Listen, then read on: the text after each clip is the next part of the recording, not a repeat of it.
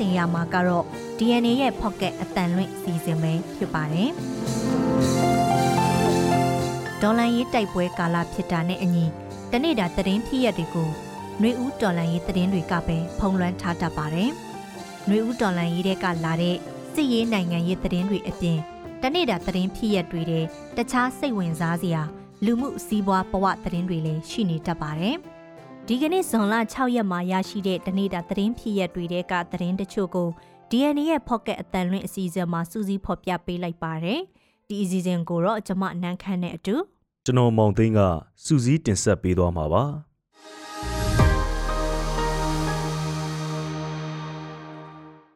ပထမအဦးဆုံးသတင်းတစ်ပုဒ်အနေနဲ့အစိုးရလီလီနိုင်ကျော်ပြစ်ခတ်ခံရပြီးတပတ်အကြာမှာတိတ်ဆုံးကပြစ်ခတ်သူတွေကိုဖမ်းမိပြီလို့စစ်ကောင်စီပြောတဲ့သတင်းကိုပြောပြပေးပါမယ်။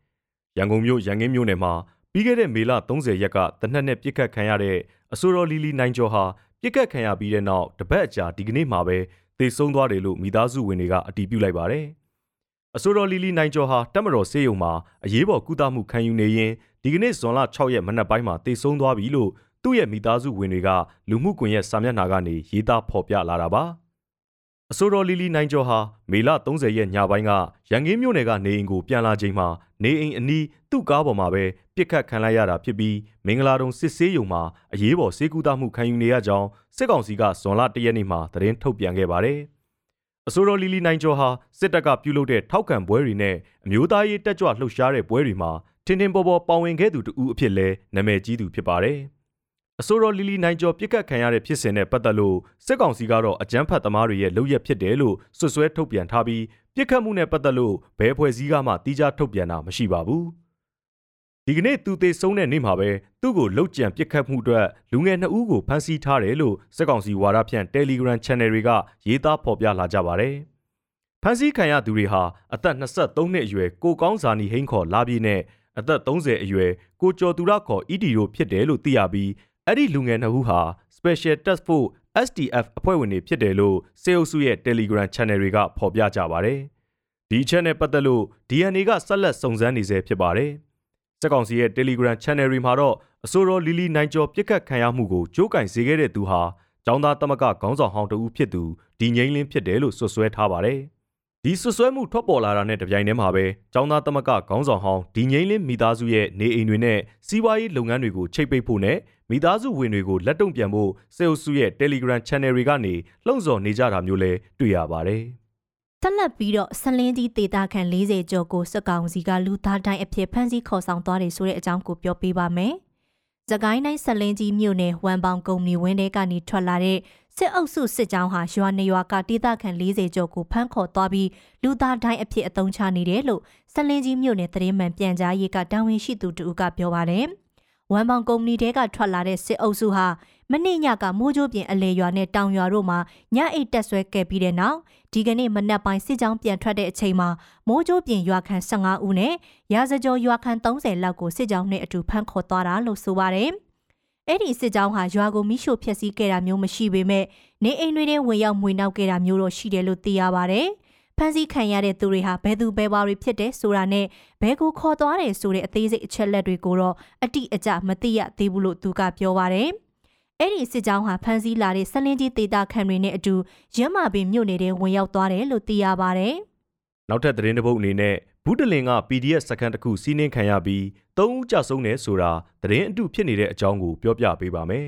။သခိုင်းတိုင်းဘူးတလင်မြို့နယ်အခြေဆိုင်ဇာမနီပြည်သူ့ကာကွယ်ရေးတပ်ဖွဲ့စခန်းကိုစစ်အုပ်စုကဇွန်လ၄ရက်နေ့မှာဝင်ရောက်စီးနင်းခဲ့ပြီးရဲဘော်၃ဦးတပ်ဖြတ်ကာစခန်းကိုမီးရှို့ခဲ့တဲ့ဖြစ်စဉ်ဟာလောက်ကျန်ဖန်တီးထားတဲ့သတင်းအမှားသာဖြစ်တယ်လို့မြို့နယ်ပြည်သူ့ကာကွယ်ရေးတပ်ဖွဲ့ပကဖနဲ့ဇာမနီအဖွဲ့ရဲ့တာဝန်ရှိသူတို့က DNA ကိုပြောပါတယ်။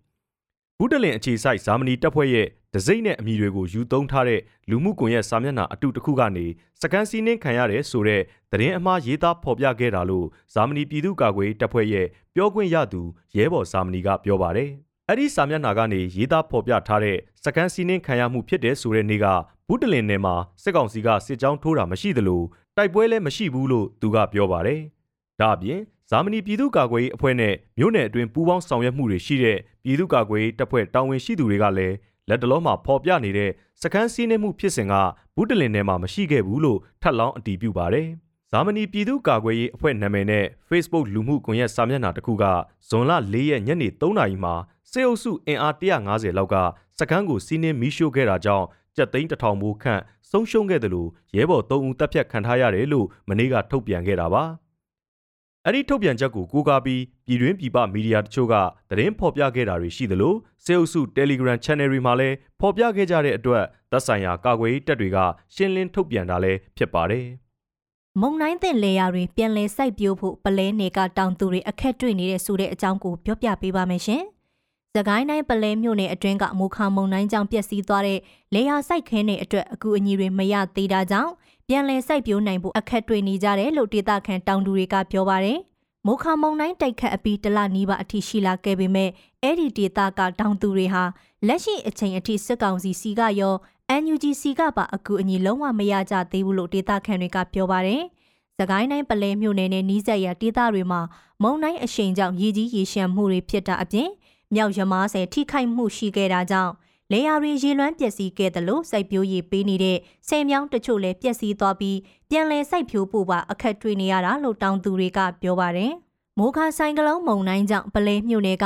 ကျေးရွာ34ရွာမှာရေကြီးနှင်းမြုပ်မှုတွေဖြစ်ခဲ့ပြီးစပါနန်းစံတင်းထောင်ကြီးနဲ့ ကြက်သွန်ပိတ်တစ်ချိန်9000ဝန်းကျင်တခြားအိမ်တွင်းပစ္စည်းတွေနဲ့တီးနှံစိုက်ပျိုးထားတဲ့လေယာမြေဧက2900လောက်ပျက်စီးခဲ့တယ်လို့ပလဲမြို့နယ်ပြည်သူ့အုပ်ချုပ်ရေးအဖွဲ့ရဲ့အချက်အလက်တွေအရသိရပါဗျ။ပလဲမြို့နယ်အပါအဝင်ဒေသသွင်းက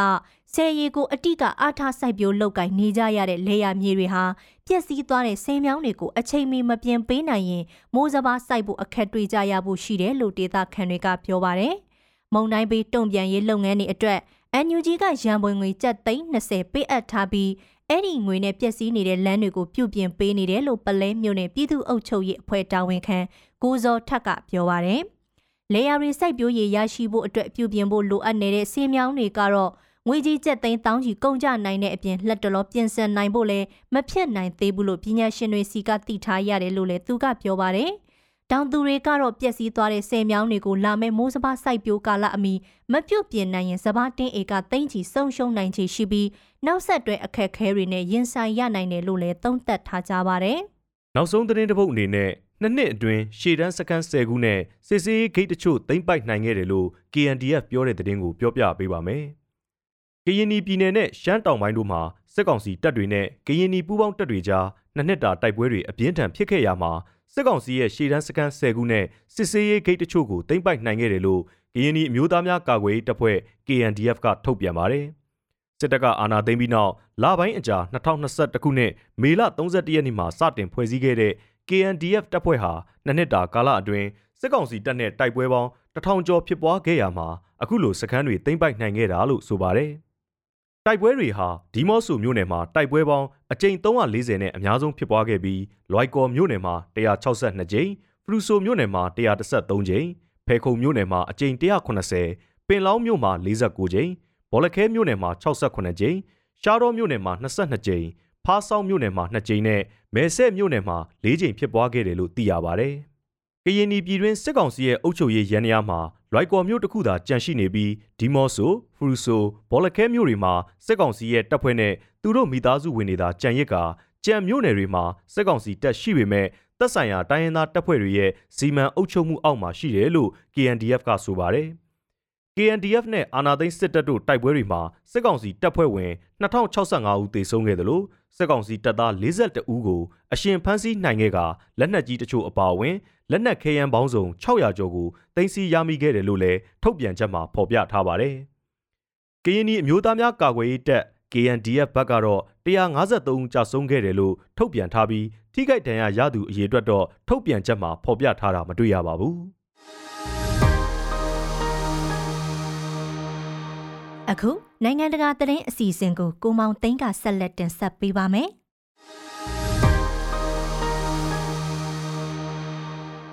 ပုံရိပ်ရောင်လောကတစ်ခုကိုအထူးခြားဆုံးအတွေ့အကြုံမျိုးနဲ့ပုံဖော်ပေးမယ်လို့ကြွေးကြော်ထားတဲ့ခေါင်းဆောင်ဟက်ဆက်အသစ်ကို American နည်းပညာကုမ္ပဏီ Apple ကမိတ်ဆက်ပြသလိုက်ပါတယ်။ Apple ရဲ့အမှုဆောင်ချုပ် Tim Cook က Apple Vision Pro ဟာလက်တွေ့လောကနဲ့ Virtual Reality လို့ခေါ်တဲ့စိတ်ကူးရင်ပုံရိပ်ရောင်လောကတွေကို အထင်ငေါ့မရှိတသားတည်းပေါင်းဆက်ပေးမဲ့ဤပညာပစ္စည်းတစ်ခုလို့ညွှန်းဆိုသွားပါတယ်။ Apple အတွက်ဒီခေါင်းဆောင်အသစ်ဟာဆယ်စုနှစ်တစ်ခုလောက်ကာလအတွင်းအထင်ရှားဆုံး hardware သစ်မိတ်ဆက်မှုလည်းဖြစ်လာပါတယ်။ဈေးကွက်ထဲမှာရှိနေပြီးသား virtual reality အထောက်ပံ့ခေါင်းဆောင်တွေမျက်မှန်တွေနဲ့ရှင်ရင်တော့ Apple ရဲ့ Vision Pro ကအတော်ကြီးဈေးများတယ်လို့သတ်မှတ်နိုင်ပါတယ်။ Apple ရဲ့ခေါင်းဆောင်ကို 3499ဒေါ်လာဈေးနှုန်းသတ်မှတ်ထားပြီးလာမယ့်နှစ်စမ်းပိုင်းကျရင်အမေရိကန်မှာစတင်ဖြန့်ချီရောင်းချသွားမယ်လို့ဆိုပါတယ်။ပြီးခဲ့တဲ့အပတ်ကတွင် Facebook ရဲ့မိခင်ကုမ္ပဏီဖြစ်တဲ့ Meta က Quest ဆိုတဲ့ခေါင်းဆောင်ကို449ဒေါ်လာနဲ့စတင်ရောင်းချခဲ့ပါတယ်။ Apple ကတော့သူတို့ရဲ့ထုတ်ကုန်ဟာပြိုင်ဘက်တွေရဲ့နည်းပညာထက်အဓိကတာလွန်တဲ့အပိုင်းအဖြစ်လက်တွေ့လောကမြင်ကွင်းတွေကို virtual reality အထောက်ပံ့ဖြည့်တင်းနိုင်စွမ်းရှိနေခြင်းလို့ပြောပါတယ်။ဒီဇိုင်းအရာလည်းတခြားခေါင်းဆောင်တွေလိုမျိုး မျက်လုံးရှိမှပိတ်ကာထားတာမျိုးမရှိဘဲမှန်အကြည့်သားကိုတက်ဆင်ထားတာကြောင့်နှင်းလျှောစီးအကောက်အကွယ်မျက်နှာဖုံးနေတောင်ပိုတူပါတယ်။ Meta နဲ့ Lenovo တို့ကသူတို့ရဲ့နည်းပညာမြင့် virtual reality အထောက်ပံ့ခေါင်းဆောင်တွေကိုအသီးသီးမိတ်ဆက်ပြီးချိန်မှာ Apple က Vision Pro ကိုပွဲထုတ်လာခဲ့တာပါ။တစ်ဖက်မှာလည်းဈေးကွက်သူတေသီတွေက Apple ရဲ့ထုတ်ကုန်သစ်ဟာအချိန်ကာခေါင်းနဲ့တိုက်ဆိုင်ရဲ့လားဆိုတာကိုတန်တရားနဲ့စောင့်ကြည့်နေပါတယ်။ Virtual Reality ခေါင်းဆောင်တွေရောင်းချရမှုဟာ မနစ်ကကမ္ဘာဈေးကွက်တစ်ခုလုံးမှာ54ရာခိုင်နှုန်းထိရော့ကျထားခဲ့ပါတယ်။ Apple ဟာကုမ္ပဏီရဲ့နောက်ဆုံးအဓိကထုတ်ကုန်သစ်မိတ်ဆက်မှုကို2015ခုနှစ်တုန်းကပြုလုပ်ခဲ့ပြီးအဲ့ဒီတုန်းက Apple Watch Smart လက်ပတ်နာရီတွေကိုစတင်ပြသခဲ့တာဖြစ်ပါတယ်။အခုနှစ်မှာတော့ Apple က Vision Pro အပြင် Operating System အသစ်ဖြစ်တဲ့ iOS 17နဲ့ပုံမအဆင့်မြင့်ထားတဲ့ MacBook Air အမျိုးအစား laptop တွေကိုပါ Apple ကထုတ်ဖော်ပြသသွားခဲ့ကြောင်းသိရပါတယ်။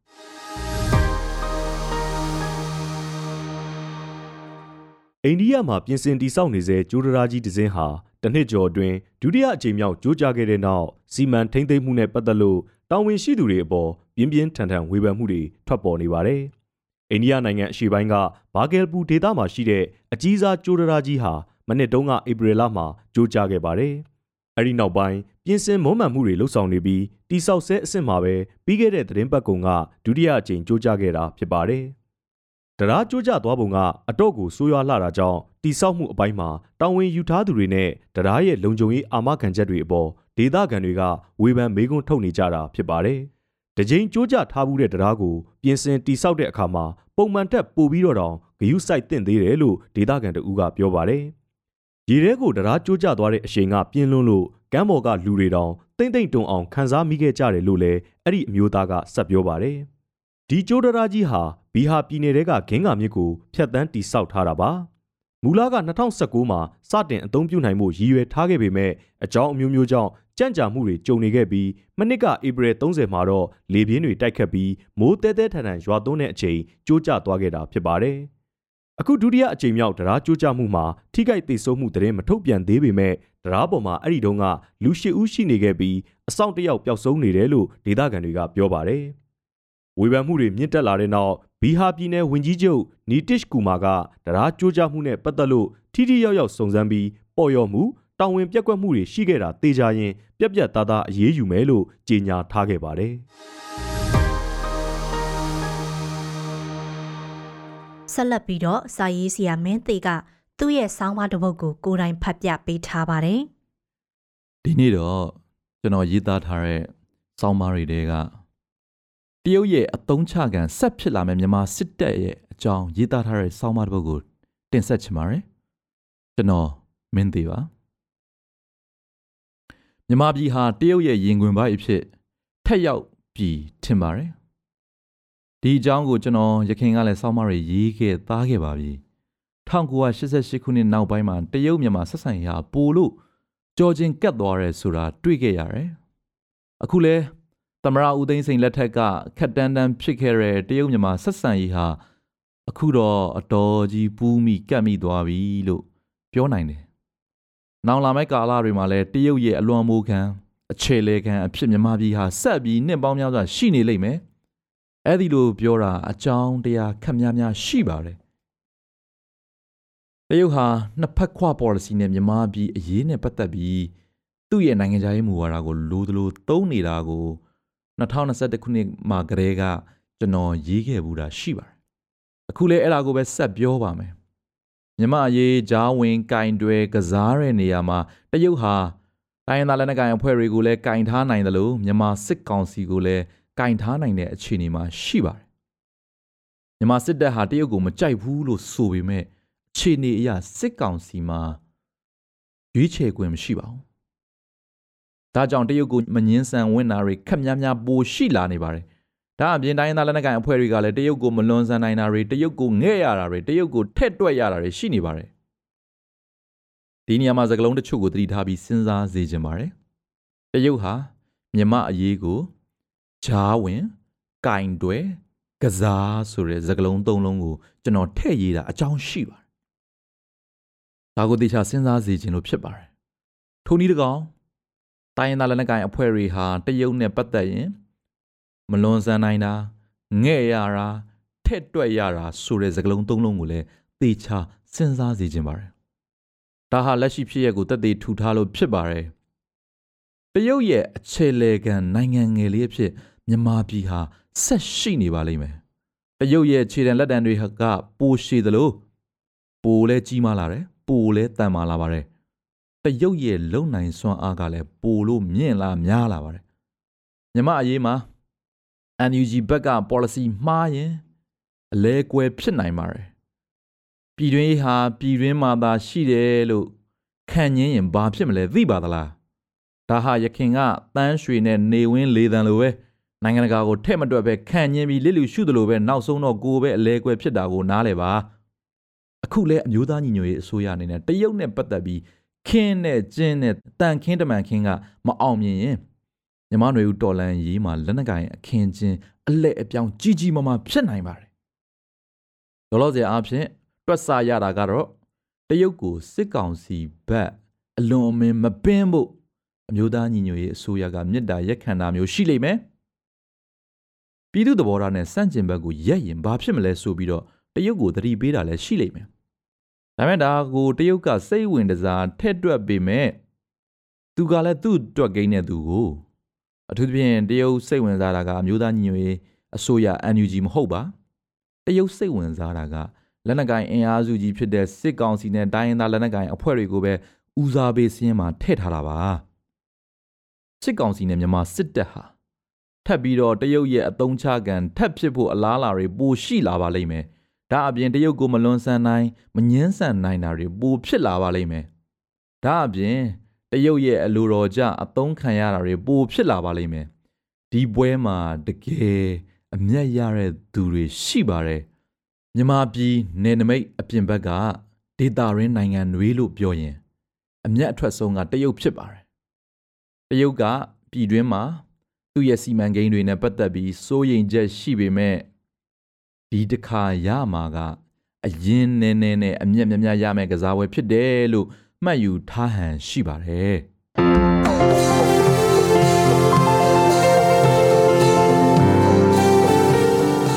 DNA ရဲ့ Pocket အတန်ရင်းအစီအစဉ်ကိုအပတ်စဉ်တနင်္လာနေ့ကနေတောက်ကြနေ့အထိည9:00နာရီတိုင်းမှာတင်ဆက်ပေးသွားမှာပဲဖြစ်ပါတယ်။ဒီအစီအစဉ်ကိုတော့ DNA ရဲ့ Facebook Page ကနေအပြင် Anchor, Spotify နဲ့ Google Pocket တို့တွေကနေတဆင့်လဲနားဆင်နိုင်ပါတယ်ရှင်။